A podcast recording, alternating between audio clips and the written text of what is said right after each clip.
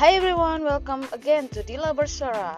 Today is my birthday, so today is a kind of special episode for me. Because oh thank you there are some big sound here.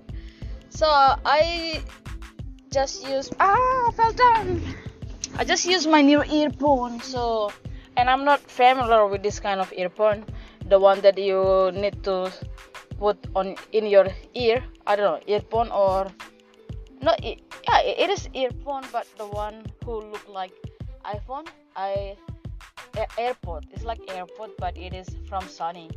Sony pod i don't know. Yeah it's fell down again. Yeah i'm sorry if it's finally broke your oh shit. okay okay okay. Check check check. So i didn't edit this podcast i just want to make it as it is because today is my birthday so i don't know how many listener of this podcast. Well, go back to the past. The first time I created created this podcast is right after I finished my open defense PhD. Yes, so it means in 2020. So in that time I just get my PhD and I don't know what to do after graduate because it, it was COVID, COVID 2020, 2019. I cannot go back to my country I also cannot go to another country. I have to stay in Japan.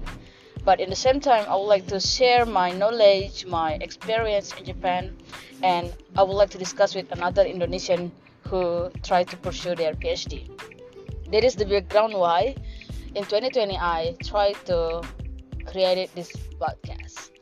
And three years after that, now WHO mentioned that the corona level is already down, not as scary as before. So people starting to go outside. Fukuoka in during Corona is quiet, silent, not silent. It's not many people going around, but recently there are a lot of people.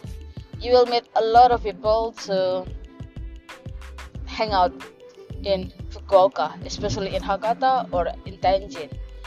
So when you ride your train, when you ride the train, you're gonna see a lot of people. So that is why some people decide to still wear the mask for their own safety. I also, in my case, when I ride the train or when I'm in the public area, especially when there are a lot of people, I usually wear mask. But when I just in the private area or when I when I when there are not a lot of people in the public area, usually I will take off my mask because currently in Japan is starting to be summer and seems like summer in this year is quite hot. Well, this year I'm going to be no, not I'm going to be. Finally today I become 32.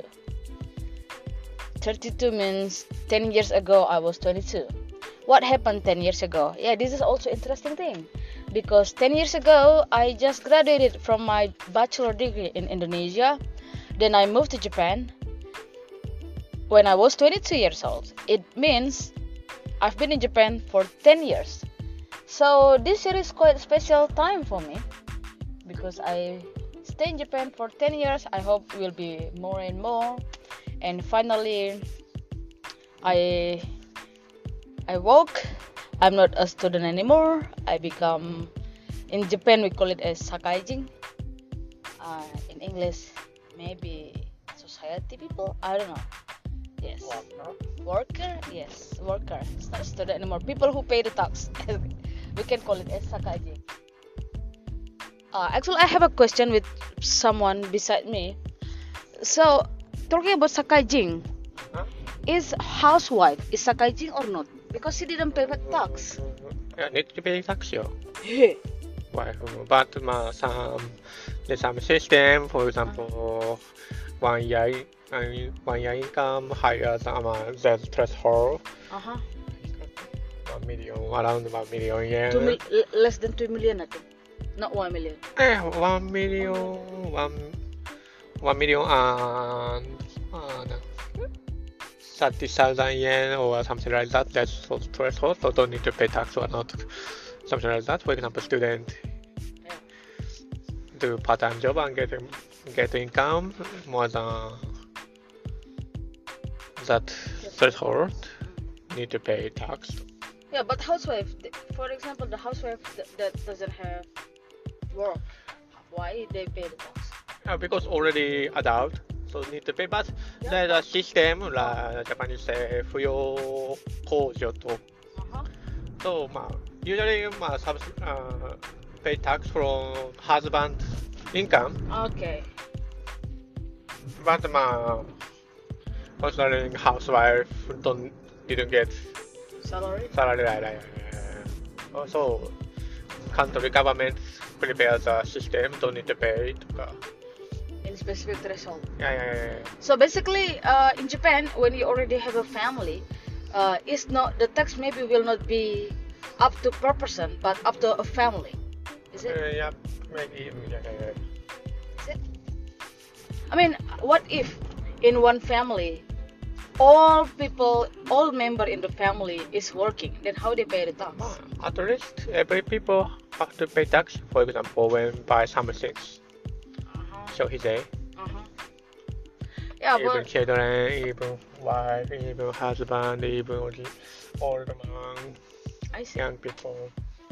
So yeah, if we talk about Sakaijing, it has high correlation with tax, and regarding tax, maybe it's not it's not something fun to be told, and we are not the expert about the tax. Okay, let's talk about another thing in my birthday. So this year also special time for me because uh, the first time I tried Zumba, then I finally fall in love with Zumba. Really, really, really, really fun because I can move my body and enjoy the mus- music in the same time. And people surrounding me also look like so happy when they try to do the Zumba dance. And also recently I tried to learn how to play golf. Then yeah, there are many things. It's the first year for me. Will I get married this year? Let's see the invitation.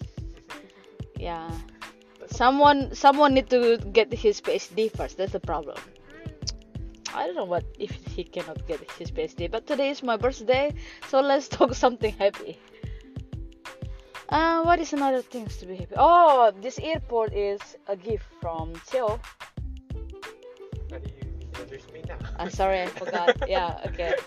By saying- someone. he keeps saying someone. Yes. So uh, that's why. How do you think about this AirPod? I don't know. I will listen the re- the result after this. Do you have any question about Japan or no? Question? No, I mean not for you, but for the listener.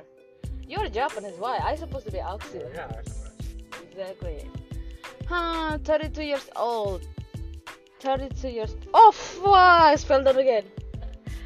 32 years old, and I tried many things new, and there is one thing, there are several things I want to do because now uh, the corona is kind of over, even if it, it is not over yet.